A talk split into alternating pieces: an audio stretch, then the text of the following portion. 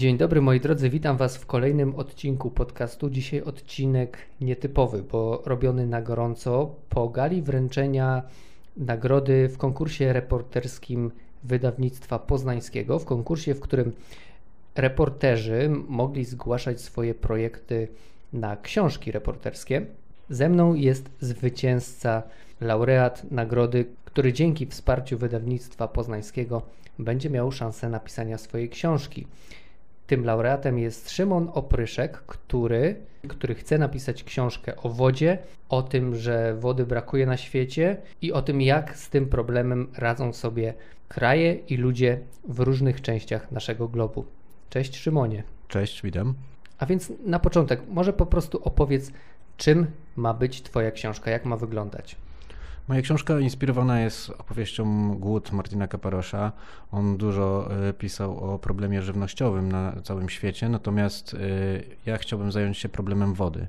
E, wielu, wiele ludzi straszy tą wizją, że zabraknie wody i świat będzie się zmagał z jej niedoborami. Jest to wizja bardzo realna i postanowiłem się przyjrzeć temu problemowi i opowiedzieć historię konkretnych osób na siedmiu kontynentach, w siedmiu krajach, i poprzez pryzmat tych osób e, prześledzić e, jakby gospodarkę wodną i też problem e, wody na całym świecie. Masz już wybrane te kraje? Mam wstępnie wybrane kilka historii, nawet kilkanaście. Pewnie w trakcie pracy nad książką i dokumentacji ta liczba się zmniejszy. Natomiast moim faworytem jest historia z Chile. Mało kto wie, że w Chile wszystkie, cała woda jest zupełnie sprywatyzowana przez państwo. To oczywiście budzi wiele kontrowersji i bunt mieszkańców. I jedna z moich bohaterek yy, razem ze swoimi sąsiadami postanowiła walczyć o wodę, wodę pitną, którą sprywatyzowało państwo i o którą to państwo żąda zapłaty. Yy, tych historii jest oczywiście więcej. Mam też historię pirata lodowego, który chciał, marzy o tym, żeby zapewnić Kapsztadowi w RPA dostęp do wody pitnej, której brakuje i, po, i ma takie trochę wyśnione marzenie, żeby przyciągnąć na holownikiem jedną z gór z Antarktydy do RPA. Brzmi to jak bajka, ale, ale w tej książce mam nadzieję takich niestandardowych historii będzie więcej.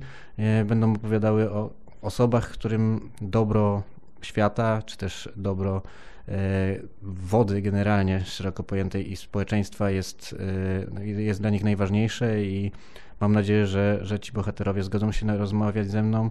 E, część już się zgodziła i mam nadzieję, że ta książka powstanie w ciągu najbliższych dwóch lat. Okej, okay, powiedziałeś, że część już się zgodziła z Tobą porozmawiać, a czy Twoja książka jest już na jakimś etapie realizacji, czy zaczynasz od zera dzisiaj? Gdybym miał powiedzieć szczerze, to o tej książce myślę sobie już od 11-12 lat, e, podążając za innymi historiami do dwóch książek, które, których byłem współautorem e, z Ameryki Południowej, bardzo często pojawiał się temat wody e, szeroko pojętej, problemu wodnego, chociażby w historii o, o pestycydach w Argentynie, która, która jest wręcz północ Argentyny jest kontrolowana przez firmę Monsanto, która słynie z produkcji pestycydów. Mało, wszyscy wiedzą o ich negatywnym wpływie na środowisko, ale mało kto mówi, że do wyprodukowania e, kilograma pestycydów potrzeba 600 e, litrów wody. Więc ta woda, jak szeroko, szeroko pojęta woda, towarzyszy mi w mojej historii mm, od początku właściwie, gdy zająłem się reportażem.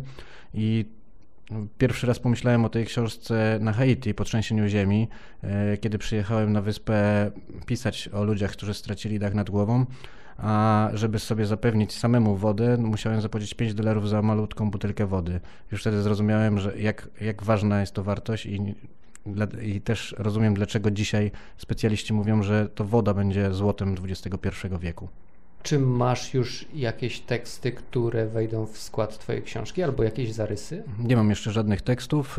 Y, jestem po rozmowach z kilkoma y, osobami, które mają szansę stać się y, bohaterami moich historii, natomiast nauczony doświadczeniem wolę nie ferować wyroków i poczekać, aż zbiorę całość i wtedy pewnie będę wybierał konkretne historie i konkretne osoby, tak żeby ten temat przedstawić jak najszerzej można, a nie żeby podążać tylko za bohaterami czy też konkretnym problemem, bo ten problem jest tak złożony, że chciałbym go przedstawić przez pryzmat różnych osób, ale w różnych też kontekstach. Rzeczywiście ten problem jest złożony. Powiedziałeś o Caparrosie, który napisał no, monumentalne dzieło, reportaż, ale trochę połączone z esejem głód. Czy teraz, tak na gorąco, nie, nie boisz się w ogóle realizacji tego projektu? No bo on brzmi na projekt no niezwykle trudny, po pierwsze, i też niezwykle obszerny. To znaczy, materiały, które będzie trzeba zdobyć, przefiltrować, przesiać przez siebie, to, to jest ogromna ilość. Bałem się przez ostatnie 12 lat podjąć tego tematu i zawsze o nim gdzieś tam z tyłu głowy myślałem, w związku z czym no, kiedyś musiałem zaryzykować. Myślę, że przy pierwszych dwóch książkach było nieco łatwiej, bo dotyczyły konkretnych krajów, konkretnych społeczności. Teraz e, jest taki trudny do określenia temat, e, też pewnie dla wielu z czytelników mało sexy, bo jednak e, ekologia, mimo że jest e, dzisiaj jest o niej głośno, to jednak e, w dziennikarstwie trudno ją ująć w taki sposób, żeby była przystępna i pokazać, mm, pokazać ten temat w sposób przystępny dla czytelnika. Ale rok temu pisałem o wpływie, jakby o recyklingu szeroko pojętym i myślę, że ta historia zrobiła wrażenie, zresztą była na okładce dużego formatu i wtedy tak pomyślałem sobie, że może to już czas zająć się czymś większym na na temat ekologii i na temat środowiska, a przede wszystkim na temat wody. No, to, no tak, bo, bo teraz ta świadomość zdecydowanie wzrasta. No, mm, wzrasta, ale nie u wszystkich. Wciąż jesteśmy krajem, który bardzo promuje węgiel. U nas też problem wody istnieje, więc chciałbym też, żeby w mojej książce pojawiła się historia z Polski. Mam kilka na oku. E, nie będę zdradzał szczegółów, ale, ale ten wątek polski też jest bardzo ciekawy i chciałbym, żeby dopełniał całości. Czy to będą historie opowiedziane przez pryzmat ekologizmu, czy bardziej e, historie społeczne, polityczne? Chciałbym, żeby każda z historii dotykała jakiegoś konkretnego problemu. Tak jak już wspomniałem o Chile, prywatyzacja wody i chciałbym o tej prywatyzacji opowiedzieć przez pryzmat moich bohaterów, bohaterki, yy, która się zmaga z tym problemem. Nie, nie, chcę oddawać głosu ekologom, choć oczywiście oni też znajdą się w tej książce, ale dla mnie najważniejsze w reportażu i też w tej historii najważniejsi są ludzie yy, i to przez ich pryzmat chciałbym filtrować ten problem ekspertów e, oczywiście się będę radził i będę słuchał głosów, ale dla mnie bardziej, o wiele bardziej prawdziwe jest doświadczenie konkretnej osoby, która zmaga się z konkretnym problemem, w tym przypadku wody, niż y, aktywiści, bo y, jak wiemy, aktywiści różnej maści działają. Jedni są, y, jedni mają podstawy, jakby podstawę w formie wiedzy, inni nie bazują niekoniecznie na wiedzy, a wydaje mi się, że taka historia osoby, która zmaga się z danym problemem i przeżywa ten problem e, na co dzień, e, jest o wiele bardziej e, ważna i o wiele bardziej wyczerpuje temat niż tylko właśnie takie filozoficzne podejście do tematu, czy też aktywistyczne. No dobrze, to jaki teraz masz plan? Wiem, że to jest. Rozmawiamy właściwie dwie godziny po, po wręczeniu ci nagrody i, i może nie masz tej sprawy przemyślanej, ale Jakie etapy teraz Ciebie czekają w tworzeniu Twojej książki, realizacji tego tematu? No przede mną na pewno najciekawszy etap, czyli zbierania materiałów. To zawsze najbardziej mnie rajcuje, czyli wyjazd y, do konkretnego kraju, rozmowy z bohaterami, często wielodniowe, wielotygodniowe, szukanie wiedzy i, i zdobywanie faktów. Yy, no i to pewnie potrwa z około rok albo nawet więcej, a później ten mniej ciekawy, choć równie fascynujący, yy, żmudny proces pisania i właściwie wycinania tego, co zdobędę wcześniej. I to zawsze yy, jest bardziej frustrujące. Co, co ci wszyscy pisarze, co ci wszyscy mm, reporterzy tak strasznie narzekają na, to, na ten proces pisania? To dlaczego on jest taki trudny? Nie wiem, czy znam odpowiedź na to pytanie, ale e, wydaje mi się, że wtedy musisz się zmierzyć z tym, co już zebrałeś i wybrać najważniejsze, tą esencję. I, i często jest dużo takich y, myśli, wątpliwości, czy aby na pewno idziesz w dobrym kierunku, bo nie jest trudno zebrać materiał, y, natomiast wycisnąć z niego coś, tą esencję, która będzie jeszcze podana w formie dostępnej dla czytelnika i ciekawej, e, no to to jest już sztuka. I jak obserwuję y, wiele reportaży, które ostatnio powstają w Polsce, pisane są bardzo sztampowo, y, według jakiegoś y, jednego formatu, czy też jednej, jednej wizji, wizji reportażu, tak? E, a mi się marzy taki trochę Mad Max reportażowy, trochę, trochę więcej emocji, trochę więcej luzu, stylu i fantazji w tym tekście, a nie tylko właśnie e, pisanie książki od linijki do linijki, więc tego, tego etapu się boję i, i, i pewnie są ku temu powody. Okej, okay, a ten Mad Max y, znajdujesz u jakichś innych autorów? Mm, Może niekoniecznie polskich, mogą być też y, zagraniczni. Znajduję, ale nie wiem czy w reportażu, czy w literaturze non-fiction, natomiast y, jestem miłośnikiem Filipa Rota, który mówi, który pisze o, o, o problemach y, świata, które wszystkich nas dotyczą w taki sposób, y, że ma się, y, ma się to uczucie, jakby oglądało się dobry, wciągający film y, z pogranicza thrilleru, czy też jakiegoś dramatu, więc no, te, takie, takie teksty mnie kręcą, ale nie wiem, czy jestem w stanie kiedykolwiek coś takiego napisać. Myślę, że reportaż też otwiera się na nowe formy i, i na nowe ścieżki i myślę, że warto zmieniać ten trochę już skostniały system. Ja się bardzo cieszę, że tak mówisz, bo ja też odczuwam od paru lat mm, takie znużenie y, nie samym reportażem, nie samymi tematami, które powstają, bo tematy są naprawdę bardzo ciekawe, ale właśnie formą. Jednym z takich przejawów przełamywania formy było na przykład Nie ma Mariusza Szczygła, które mhm. było takimi powiedzmy opowiadaniami non-fiction. Nie wiem, czy się ze mną zgodzisz, taką próbą szukania też była książka ostatnia mm, Filipa Springera, 12 nie myśl, że uciekniesz, bo tam były elementy fikcji wplecione. Bardzo tak, wydaje mi się, uczciwie, mm, w uczciwy sposób zaznaczone, że wiedzieliśmy, gdzie jest fikcja, gdzie jest e, reportaż. I to też jest przejaw jakiegoś takiego e, szukania formy. No i teraz, jak ty mi to mówisz, no to ja się strasznie cieszę, że, że szukasz innej formy, innych środków wyrazu i czerpiesz je z literatury pięknej właśnie. No, ale wymieniłeś dwa nazwiska, które są mocnymi nazwiskami na rynku reporterskim. Myślę, że problem polskiego reportażu też e, w ostatnich latach jest taki, że tych reporterów jest bardzo dużo i są dosyć młodzi. To nasze pokolenie e, boi się eksperymentować, bo wie, że łatwiej będzie coś wydać w tej sprawdzonej formie i to pewnie często kończy się na tym, że też wydawnictwa e, wiedzą, co się sprzedaje, jak się sprzedaje i jak to jeść, w związku z czym boją się eksperymentów. Ja mam nadzieję, że będę mógł eksperymentować i mam nadzieję, że nie będzie to kicz e, zupełny, e, tylko wyjdzie z tego coś dobrego.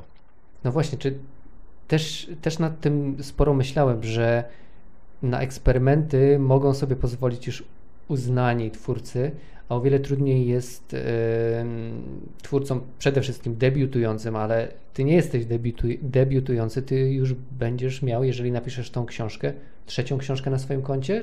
Trzecią, tak.